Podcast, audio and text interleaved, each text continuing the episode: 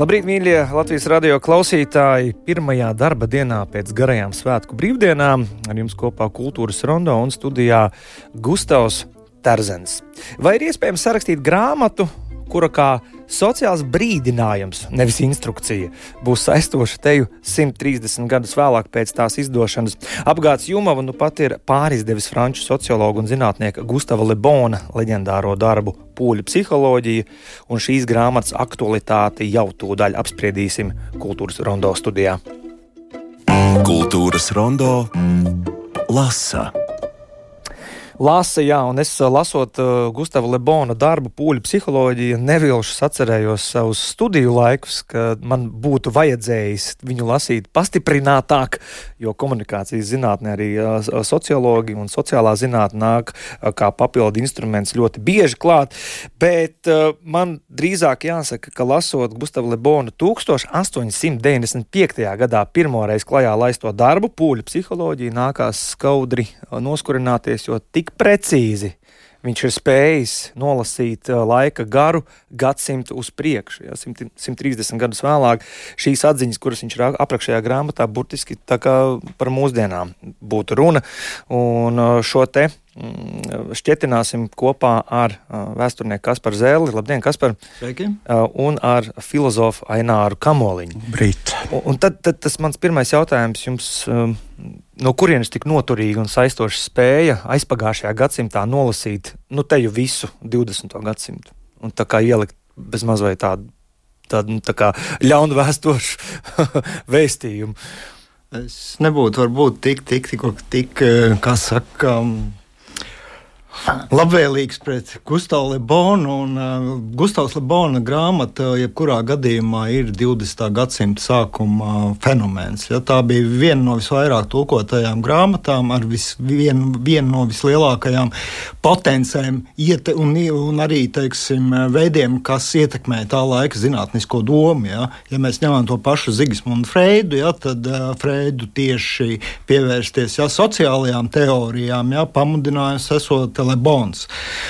Bet, eh, ja mēs skatāmies jau 20. un 30. gados, ja tur jaunā radusies eh, virziens gan komunikācijas zinātnēs, gan socioloģijā, gan psiholoģijā, sāk diezgan nežēlīgi kritizēt Lebonu par eh, viņa uzskatiem, jā, uzskatot viņu par ne īpaši nu, ne īpaši šos viņu uzskatus par pamatotiem.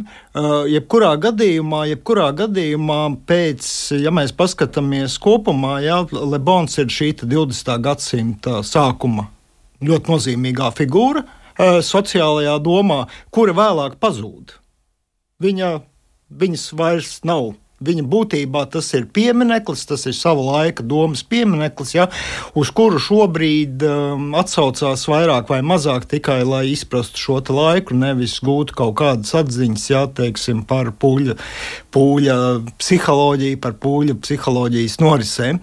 Tik tiešām, ja mēs lasām šo grāmatu, ja, mums var šķist, ka mm, viņš bija ļoti pravietisks un uh, viņš uh, redzēja kaut ko tālu uz priekšu. Būtībā mm, Lebons, es domāju, šo grāmatu rakstīja vairāk tā bija reakcija uz tiem sava laika notikumiem kuros viņš dzīvoja.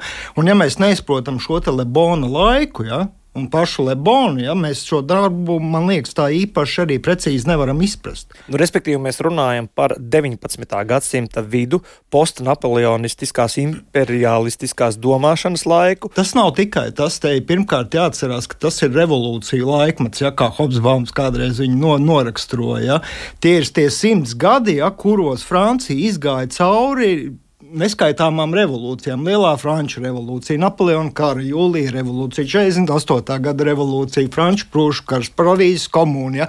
Tad par Parīzes komūnu kā reizi tie ir 70. gadi, jā. kur Lebonam ir 30 gadi būtībā pilnbrietis. Tas viņu jā. ietekmēja un tiek uzskatīts, jā, ka teiksim, šie te Parīzes komūnas notikumi un teiksim, redzot to, kas notiek, ja šī te varbūt vardarbība, vardarbības eskalācija, jā, un tieši šo te Parīzes bāzes iedzīvotāji, to tā melnā slāņa, ja, kā viņš redzēja, ja, um, tiekšanās pēc tām savām tiesībām, brīvībām, viņam tas radīja, protams, um, attiecīgu reakciju, un viņš uzskatīja, ka uh, jā, šajā, šajā gadījumā vislabāk parādās, kā tas pūlis ja, tagad tiecas pēc varas un kādā veidā tiek nojaukta šī vecā noturīgā, uh, šī te, nu, kā viņam likās, varbūt šī aristokrātiskā sistēma, ja, un uh, tas viss veicina, veicina, veicina, veicina protams, uh, Eiropas civilizācijas bojājai, ko vēlāk pēc Pirmā pasaules kara attīstīs Štenglers daudz vairāk. Aināra, šāda te ļoti trauksmaina realitāte, kādā dzīvo viena no uh, domājošākajām sabiedrībām tolaik pasaulē, ja, kas ne, nepieļauj kļūdas un kā kas tā studenti ir ielās ja, jau, jau vēsturiski. Tad, respektīvi, kā var zinātnieks saglabāt savu to skaidro skatu šajā gadījumā? Šajā gadījumā es teiktu, uzreiz būtu jājautā, kas ir zinātnieks. Tas ir uh, ļoti būtisks arī tāds jautājums, jo uh, ir arī labi ielikt Gustavu Lebonu ne tikai Uh, vēsturiskā aspektā, bet arī teiksim, intelektuālās tradīcijas aspektā. Jo, uh, kad, piemēram, runājā, ka Lebons ir varbūt nav zinātnisks pietiekami vai gluži pretēji, ka viņš aizstāv kaut kādu zinātni, tas jautājums, kurā tradīcijā. Un, uh, ja es runātu par Lebonu, tad es drīzāk viņu ieliktu tajā tradīcijā, kas sāksies jau 17. un 18. gadsimtā, proti, tā, saucā, tā saucamā anti-apgaismības tradīcijā. Proti, tātad Antiapgaismība nenozīmē to, ka mums jāatgriež kaut kādos viduslaikos, tumšajos. Tā ir tradīcija, kas uzskata, ka Mē, ka obligāti mums nav jāskatās tā saucamā šīs matemātiskās eksaktās zinātnes kā vien, viena paradigma, galvenā paradigma, kā mēs atklājam patiesību, bet ka pastāv arī šīs cilvēku institūcijas, kuras mēs, mēs varam pētīt pēc pavisam citiem noteikumiem. Kā piemēram, tas bija Džambatista Viko vai uh, Herders un tam līdzīgi. Tātad tieši antiapgaismības pārstāvi.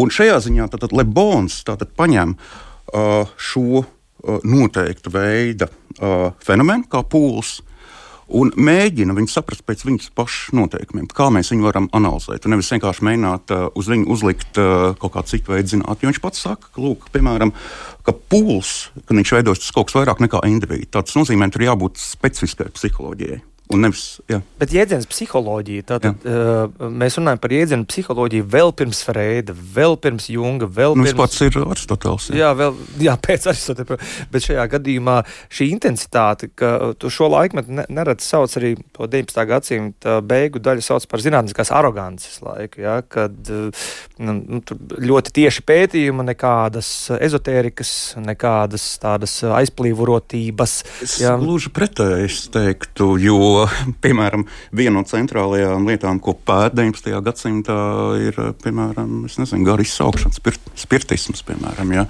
Bet uh, kā pieredze? Kā, lūdzu? kā pieredze, kā kaut kas pierādāms. Jā, jā. Nu, viņi tiešām, jā, tiešām mēģina pierādīt, jā, vai arī es nezinu. Un acīm redzot, arī mākslā, arī, arī dzinieki kļūst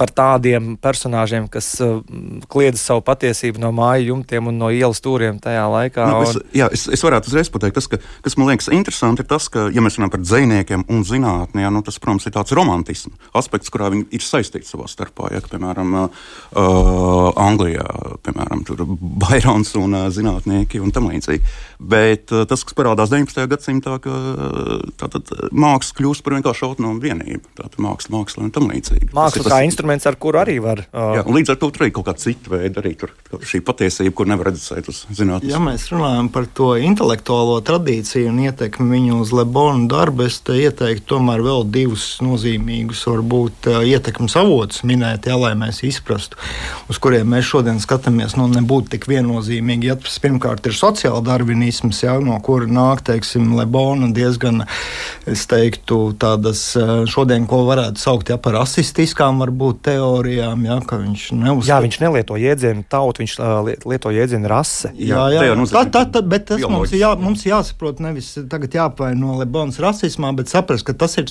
tas ir savu laiku cilvēks, ja, ar visām saviem plusiem, ar mīnusiem, ja, un, teiksim, viņš uzskata ne tikai to, ka rases ir, teiksim, labāks, sliktāks, bet arī to, ka dzimumi, ja, teiksim, atšķirās, jo, teiksim, pūli bieži vien viņš salīdzina, jā, ar histērisku sieviešu, ja, teiksim, veido.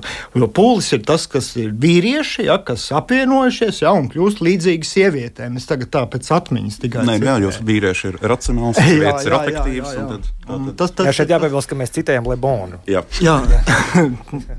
mēs nevienu negribam aizvainot.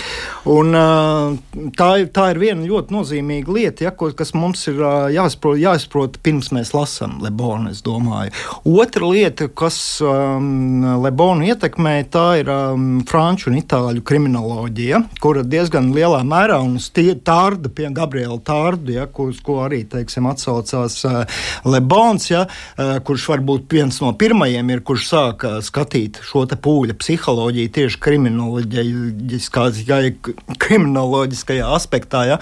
Tas izdarīja diezgan lielu iespēju. Ja tieši šī mm, hipnotiskā suģestija, ja, ar ko iespējams cilvēkus ietekmēt, ja, tas, eh, tas šīs idejas bija paņēmušas Lebonu. Mēs varam lasīt, ja Lebona grāmatā ir vesela nodaļa ja, par šiem kriminālajiem pūļiem, ja, kur viņš arī skata, kādā veidā tas, tas varētu, varētu norisināties. Un, protams, ja, šis laikmets ir uh, ļoti interesants priekšzinātnes, un tas ir uh, laiks, kurā cilvēki meklē aizvien jaunas iespējas. Un, protams, ne visur, uh, kā saka, šie ceļi ir taisni, ne visur šie ceļi ir um, um saka, nogludināti. Ja, arī uh, Lebona gadījumā ja, te ir nozīmīgi, es domāju, pats nozīmīgākais Lebona ieguldījums ir tas, ka viņš šo problēmu mācīja pacelt ja, ļoti augstā līmenī ja, un izdarīt tik tiešām lielu iespaidu uz tā laika sabiedrību.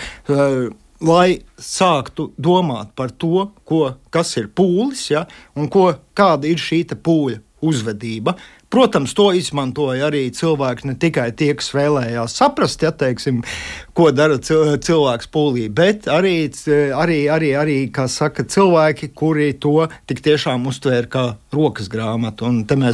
Es arī jā, šeit tā ļoti piebildu vietā, jo es atceros bija tāds joks internetā par Orvelu 1984. gadu, ka teica, ka tā ir nevis instrukcija, bet brīdinājums. Daži ir pārpratuši, acīm redzot. Un šajā gadījumā ar Lebona grāmatu ir diezgan līdzīgi.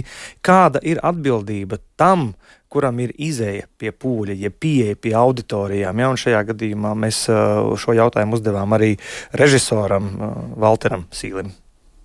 Gustavam Labonam šai pūļu psiholoģijai ir vairāki, vairāki aspekti. Viens ir jā, tā, tā ietekmējumība, un viņai ir ļoti dažādas izpausmes. Tā varbūt, no otras puses, tā ir tā mūsu cilvēka izdzīvošanas forma.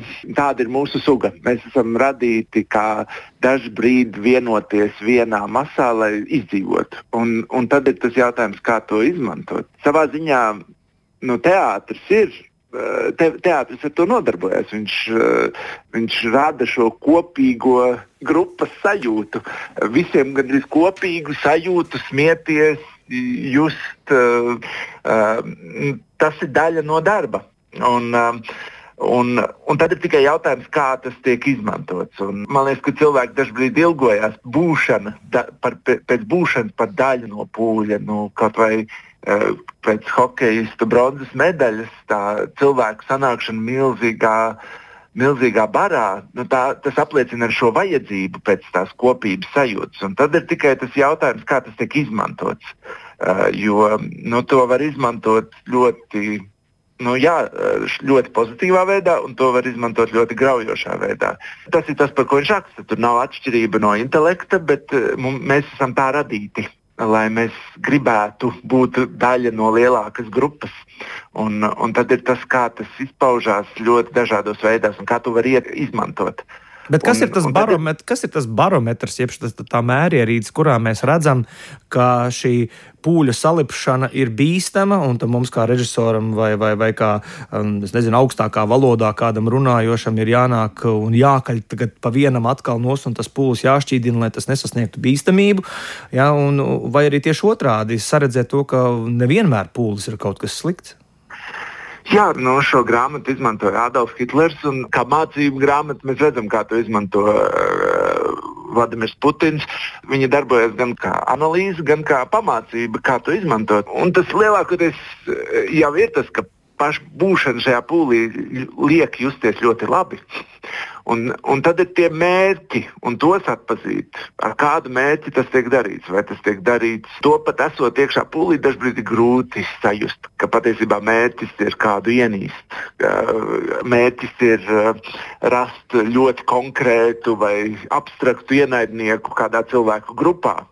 Un šī konkrētība norāda uz šo kā tas tiek izmantots. Nu, kaut vai tas, kā izmanto nu, daudz mazākus pūlīšus, piemēram, Šlesera kungs un Rosliko kungs, kad viņi jā, kaut vai ienīst noteiktu minoritāti. Ienīst abstraktu vakcīnu vai, vai dažreiz ne, ne tik abstraktu prezidentu. Tur ir ļoti konkrēti meklēt tos mūsu dusmu punktus un, un tad ar tiem mēģināt apvienot cilvēkus. Un dažreiz uh, Eh, sajūtas un dusmas un problēmas ir vienas, bet risinājums ir cits.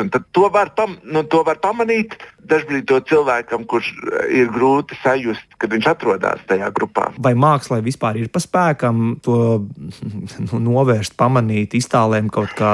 Nu, lūk, eh, šeit ir tas interesantais jautājums. Jo, jā, māksla var, māksla var atgādināt, ka tā tas ir bijis. Māksla var arī atgādināt, ka ir, ir šī pati drosme kaut vai barikādēs cilvēkiem stāvēt uh, pret tankiem. Uh, šeit ir arī tā otra puse. Pēkšņi šajā sajūtā bija daudz lielāka drosme cilvēkiem, nekā viņiem visticamāk individuāli būtu. Nu, domājot arī par šo svētku laiku, jā, arī tas ir daļa no šī aspekta. Jā, to var izmantot, lai aizsargātu savu tautu, savu ģimeni, bet tie ir tie paši impulsi, kuri var būt destruktīvi, lai iznīcinātu pēkšņi savus kaimiņus kā mākslā, to mākslā ir tieši tas pats. Māksla var izmantot, lai norādītu, norādīt uz problēmu, bet māksla ir ļoti efektīvs veids, ko izmantot destruktīvā veidā. Nu, viņai arī nav, viņa nebūs vienmēr laba. Varbūt arī, visu, ja talantīgs mākslinieks pēkšņi pievēršās šādai pūļu ietekmēšanas psiholoģijai, nu, tam ir redzētas vēsturē sekas. Mums arī ir jābūt uzmanīgiem.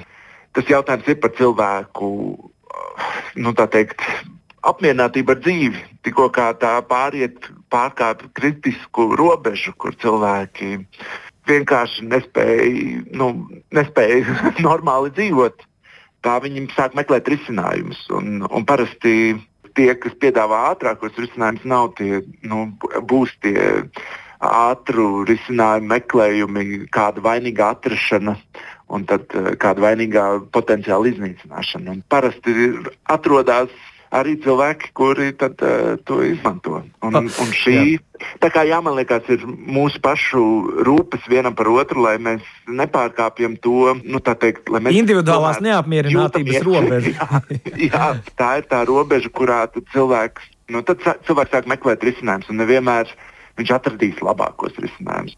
Paldies Valteram Sīlim par um, agrā rīta, uh, arī savām atziņām saistībā ar Gustavu Lebonu nu, reiz atkal pārizdoto grāmatu Pūļa psiholoģija. Šeit kultūras rondo joprojām studijā esam kopā ar vēsturnieku Kasparu Zēli un filozofu Aināru Kamoliņu. Ainār, man jautājums. Um, pūļi, pūlīši, ja, un par ietekmējamajiem talantiem, un um, par tieši tiem aktoriem, kas nonāk uz skatuves pie pieejas uz lielākām auditorijām. Uh, kāda varbūt ir tā Uh, atšķirības starp režisoru, piemēram, 19. gadsimta izskaņā un, un režisoru, kurš šobrīd uh, taisa izrādes uh, 21. gadsimta 20. gados? Nu, tādā formālā nozīmē nekāda nav atšķirība. Tātad abi taisa izrādes. Cita lieta ir tas, ja mēs runājam par tiem pūļiem un pūlīšiem, kas viņus vispār raksturo tādā būtiskā nozīmē, kāpēc viņi var būt bīstami mm, un tam līdzīgi, ir tas, ka Uh, pūles vienmēr ir saistīts ar noteiktu veidu šo vadoni, kas savukārt apiet, piemēram, valsts.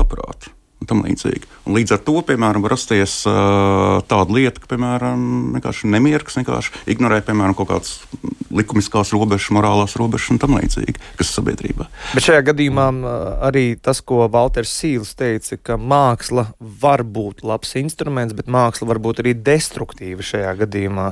Jā, bet es teiktu nevis māksla pati par sevi, bet māksla kādu citu rokās. Tā tas ir tas, ko sauc par message. Message, ja, ko mēs izmantojam, atvainojos par šo svešvārdu, ja, bet vienkārši nezinu, kā Latvijā. Tā ir lielā, lielā ziņa, ja, ko mēs nododam. Viņa, protams, viņa var būt jebkādā veidā, teiksim, būt ar plus gan ar mīnus zīmi.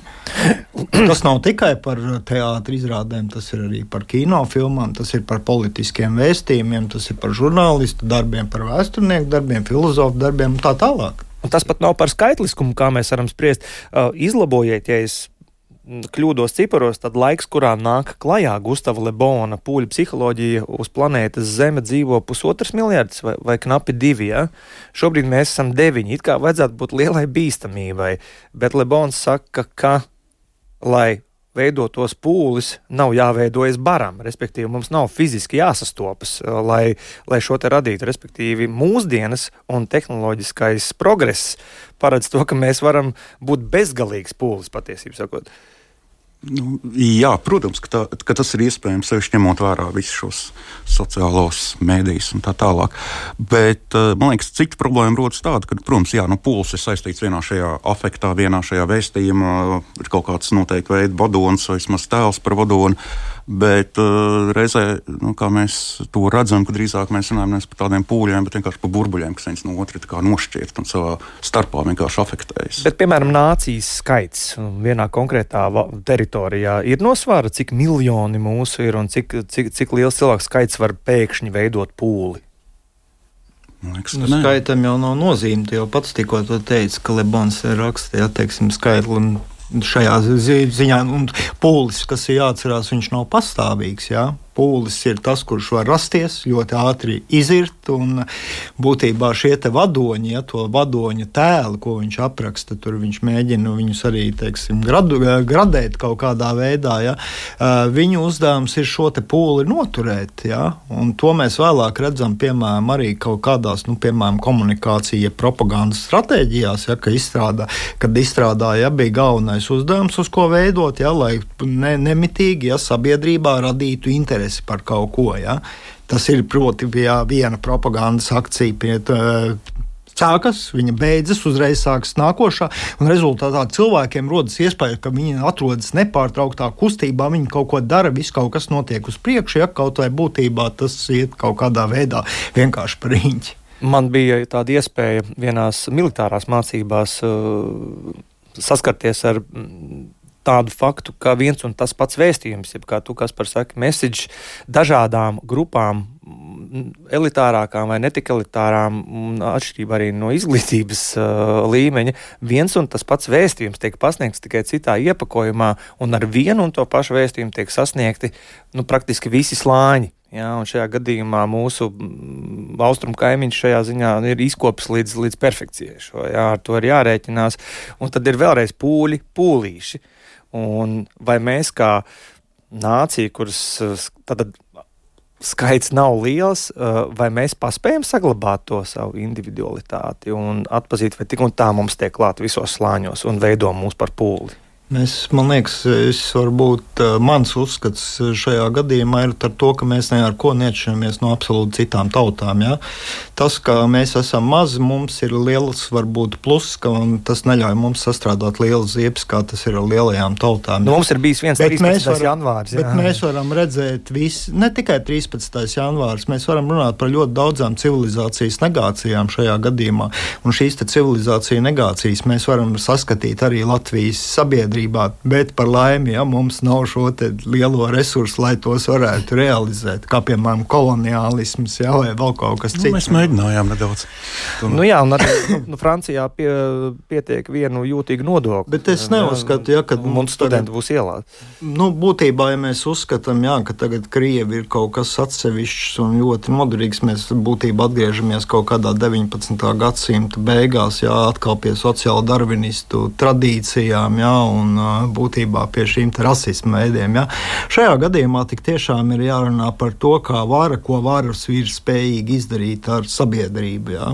Un kā sabiedrība uz to reaģē šādos situācijās. Un tas var notikt ar jebkuru. Bet Tam es- izgāja cauri izglītotā Vācija, tam izgāja cauri uh, Itālija, kura bija, kā saka, renesanses dzimtene. Ja? Nu, tam iziet tā, tagad tā ārā Krievija. Nu. Arī Francija tam izgāja cauri Napoleona kara laikā. Nu, Šobrīd eh, netieši sarunā iesaistīsim intelektuāli britu publicistu, politisko un sociālo jautājumu uh, risinātāju Daglasu Mariju, Latvijā ir izdoti viņa darbi Eiropas dīvainā nāve un par dišpārdokli kļuvušais pūļa neprāts, ko izdevusi Kodaka, un kurš nonācis arī radio mazajā lasītavā. Un tūdaļ dzirdēsiet Gundara āboliņa ielasīto fragmentu. Tehnoloģiju ietekme. Tā kā jaunās metafizikas pamati ir visai nedroši, un mums uztieptās idejas šķiet nedaudz aplamas, pievienojot šim juceklim revolūciju komunikāciju jomā, rodas visi priekšnoteikumi kolektīvam neprātam. Ja mēs jau traucamies nepareizajā virzienā, tad tehnoloģijas krietni vien pātrina šo skrējienu, viešot sajūtu, ka skrejceliņš kustas ātrāk nekā kājas spēj mūs nest. 1933. gadā tika publicēts Džeimsa Tērbera stāsts Diena, kad sagruba dambis. Tas bija veltīts atmiņām par 1913. gada 12. martu, kad kādu Ohio pilsētiņu pārņēma kolektīva panika. Viss sākās ar valodām par to, ka ir pārrauts dambis. Ap pusdienu laiku kāds piepieši metās skriet. Varbūt šis cilvēks bija sarunājis tikties ar sievu un pēkšņi attapies, ka stipri kavējas. Pēc brīža viņam sakoja kāds cits, varbūt dzīves priecīgs avīšu puika, tad laidās teciņus kāds apaļīgs komersants. Pēc desmit minūtēm jau rikšoja visa aizstrīta, no dzelzceļa stacijas līdz tiesas namam. No skaļās balsu dunas pamazām izkristalizējās briesmīgais vārds dambis. Ir pārrauts dambis. Neviens nezina, un tagad arī vairs nav svarīgi, kurš izteica vārdos visus pārņēmušās bailes. Sīka satraukusies večiņa, satiksmes regulētās vai mazs puišelis. Galvenais ir tas, ka divi tūkstoši cilvēku piepeši lika kājas pār pleciem. Tā vien šķiet, ka šodien mēs nemitīgi skrienam un pastāvīgi riskējam izpelnīties skarbus pārmetumus un kaunināšanu par savu uzvedību, gan izturēšanos pret citiem cilvēkiem. Katru dienu parādās jauns naida un morāla nosodījuma objekts. Tie var būt gan skolas puikas, kas nepareizā vietā un laikā ir parādījušies nepareizajās beisbola cepurītēs, gan jebkurš cits. Kā parādīts Džona Ronsona un līdzautora darbā par publisko kaunināšanu, internets ir pavēris plašas iespējas jaunam vajāšanas veidam, kas uzdodoties par sociālo aktīvismu, ir kļuvis par ļoti populāru tendenci. Ziņa meklēt nepareizā domāšanā apsūdzamus cilvēkus darbojas tāpēc, ka apsūdzētāji gūst no tā kādu labumu. Sociālie mēdīji veicina šo tendenci, jo tā piedaras pie šo uzņēmumu biznesa modeļa, bet stihiskā skrējiena dalībnieki ļoti reti, ja vispār, mēģina noskaidrot, kāpēc viņi skrien un kāpēc tieši šajā virzienā. Kultūras rondo. Nu, pat izskanēja fragments no Douglasa Marijas darba Pūļa neprāts, par kuru sarunu raisījās radio mazajā lasītavā. Ieraksts atrodams ir radioarkīvā, bet mēs turpinām sarunu ar vēsturnieku Kasparu Zelli un filozofu. Uh, uh, Aināra Aināra Kamoņa. Un uh, sarunas priekšmets un centrā ir Gustavs Lebona aizpagājušajā gadsimtā klajā nākušais darbs, pūļu psiholoģija.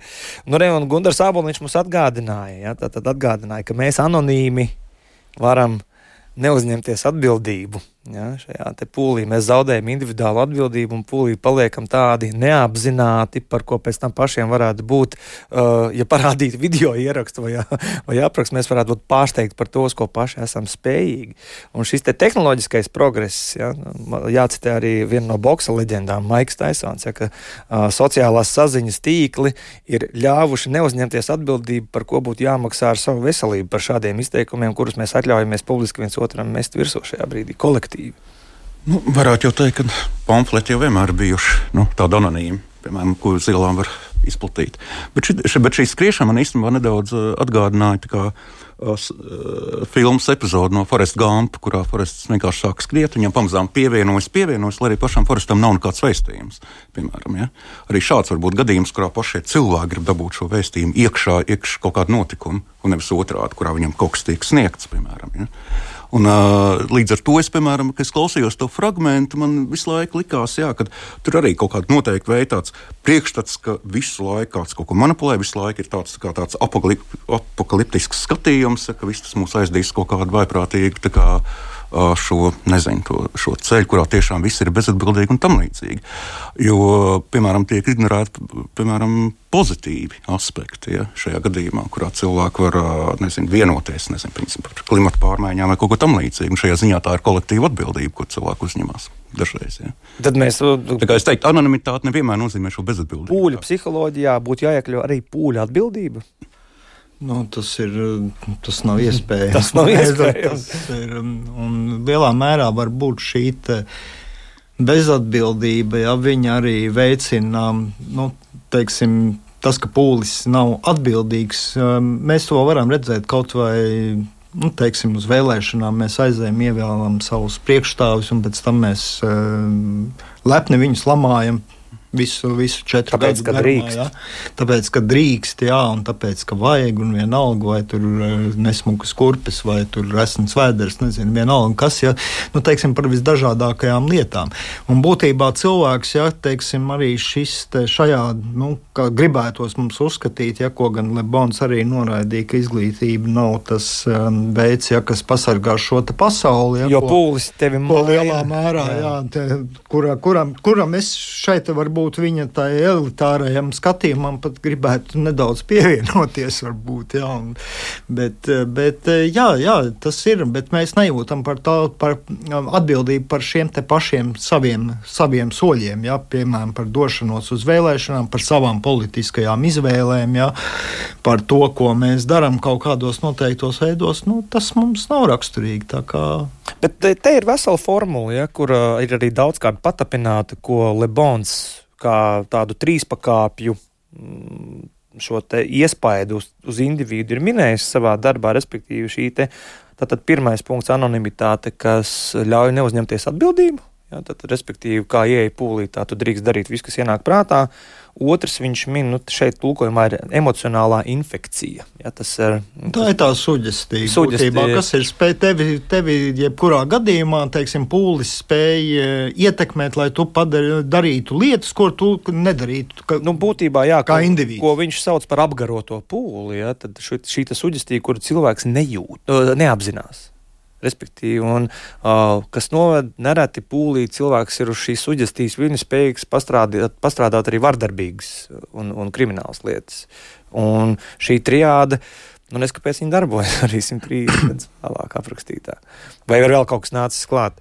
Nu, mēs, nē, nu, ja mēs skatāmies cilvēku sabiedrību, modernā cilvēku sabiedrība, nu, viņa jau teiksim, bija gatava 19. gadsimta beigās, jā, un teiksim, neko jaunu mēs šajā gadījumā neesam ienesuši. Ir mainījušies ja, šie komunikācijas tīkli, ir mainījusies saziņa, ja, mums ir radīta varbūt apziņa, ka mēs esam kļuvuši daudz gudrāki, ja, bet e, būtībā jau mēs esam tieši tādi paši, ja, kā bija šis 19. gadsimta cilvēks. Tas modernajā laikmetā cilvēkam varētu šķist nedaudz aizvainojoši. Nu, tur nav nekā aizvainojoša. Nav, nu, teiksim, daudz varbūt radikālāk uzskata, jau uzskata, daudz radikālāk teiksim, cilvēku uzskata, ka mēs to pašu varam skatīt arī teiksim, uz daudz agrīnākām sabiedrībām, jo cilvēku būtībā rīcība ja, kaut kādos noteiktos momentos ir ļoti paredzama. Uh, Lebons arī min šo barbarismu, kurš rodas pūlī, šis pazeminājums. Ja, un, savukārt no Romas laikiem mēs zinām, jo sarežģītāka likumdošana un, un, un, un, un lēmēja kārtas, jo lielākas brīvības mēs varam sasniegt šajā gadījumā. Savukārt uh, barbari sāk pie mūsu robežām klau, klauvēt tad, kad mēs paliekam pārlieku iedomīgi savā lemtspējā un savā nodrošinājumā. Un, lūk, mēs redzam, pasaulē notikumi par to atkal liecina. Nē, nu, principā to ir grūti komentēt šajā ziņā, jo tiešām tāds ir. Bet uh, es jau pirms tam jau pieminēju, jā, ka tā ir tā problēma, ka uh, Gustavs Lubons jau parasti, skatās uz tām valsts institūcijām kā tiešām šādām pretrunīgām savās iekšējās ķildās, kas vienkārši nevar izveidot šo stabilo, šo vienoto, šo afektīvo stāvokli, kas varētu ietekmēt šos cilvēkus tādā pozitīvā vai negatīvā nozīmē. Un tieši tāpēc arī to arī izmanto šie harizmātiskie varoņi, kas spēlo šīm zemākajām jūtām, zemākajiem afektiem, un tad jau arī mēs redzam, kas notiek. Vai jūs saredzat uh, to vadoni? Bieži ir sarunas par to, ka mūsu sabiedrībā, mūsu nācijā šobrīd nav šāda vadoņa, viņam nav no kā rasties, nav šīs saturiskās, saturiskās augsnes, no kurienes, no kurienes izaugt vienam, kurš varētu visos līmeņos to, to zināt un redzēt. Vai jūs tādu saredzat tuvākajai nākotnē? Es tādu negribētu redzēt. Kurš spētu saprast šos līmeņus? Kurš spētu saprast šos līmeņus. Būtībā es uzskatu, ka normālai sabiedrības attīstībai ja, tomēr, e, tomēr tā balstās uz daudzveidību, uz dialogu, nevis uz kaut kādu pūļu varu. Ja. E, tā balstās vairāk vai mazāk teiksim, uz individualitāti, individuālo atbildību, uz individu spēju mm, rīkoties ja, un uh, radīt kaut ko vietā. Jo, ja mēs sekosim Lebona teiksim, idejām, ka sabiedrība būtībā attīstās, eh, šī sabiedrības attīstība ir eh, vides, un, eh, gan geogrāfiskās, gan, gan, gan, gan mm, vēsturiskās vidas, ja, kas nāk no Monteskejo laikiem, ja, ietekmēti, ja, tad mēs varam izdarīt eh, arī teiksim, kaut kādus apsvērumus, vai tiešām Latvijas demokra Latvija ir gatava demokrātijai. Ja. Jā, bet, eh, protams, ja mēs jautājam par tādu politisko vadoni, tad, protams, arī negribētu redzēt tādu. Bet, eh, principā, jābūt vadoņiem attiecībā uz kaut kādām noteiktām idejām, kurai ir kolektīva rīcība. Piemēram, Modernais jā. vārds ir līderi. Jā, līderi. jā nu es nezinu. Nu, Nē, nu, kāpēc mums līderi?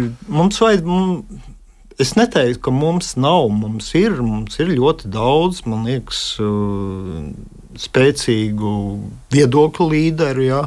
Piedāvājam šie viedokļu līderi. Mums ir dažādi. Daži mums patīk, daži mums nepatīk, un tas ir ļoti normāli. Ja, un, teiksim, tas veicina ja, tik tiešām šo normālu sabiedrības attīstību. Ja.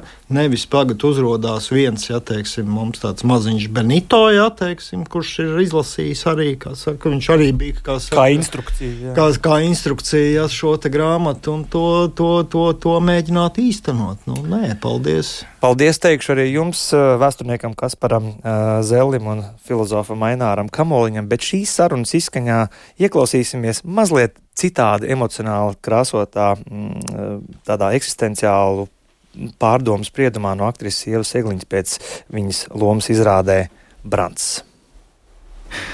Uzņemties atbildību pašam par savām domām, par savām izvēlēm, nepakļauties, neļauties kaut kādām pūļa vispārējām domām vai kaut kādiem priekšstatiem. Šīs domas ar mani ir arī šodien un viscaur tagad pasaulē skatoties. Es joprojām ne, es nespēju noticēt tam, kas notiek. Es nespēju noticēt, ka cilvēkos ir tik daudz ļaunuma, naida, un, un es ticu, ka tam visam bāzē ir uh, nemīlestības faktors. Un arī reliģijas un ticības faktors ir tajā tad kāda ir tava atbildība? Vai tu tici tam, kam tev liek ticēt, vai ko tu izlasi, vai tu spēj atšķirt tās svešās domas un, un kaut kā nonākt pie tā galvenā, pie kaut kāda sākuma punkta, kas ir, manuprāt, mīlestība. Tik vienkārši, jo ja pasaulē būtu viens radikālisms un tam nosaukums būtu cilvēku mīlestība, manuprāt, mēs dzīvotu daudz labākā pasaulē, bet šobrīd ir sajūta, ka tas ir aizgājis kaut kādā tādā virpulī, ko man ir sajūta, ka to nevar apturēt vairs. Kā šajā naidā pašam nenoslīgt, kā šajā ļaunumā pašam neiznīkt. Es, tie ir mani galvenie šodienas jautājumi. Un iespējams, es tos uzdodu pateicoties Brandam. Varbūt ar šādiem jautājumiem sirdī ir vērts vēlreiz pārlasīt Gustavu Lebonu, lai lasītu to kā, kā brīdinājumu, nevis kā instrukciju grāmata ir pieejama un izdevniecība Jūmau to nu pat ir pā, pāri izdevusi.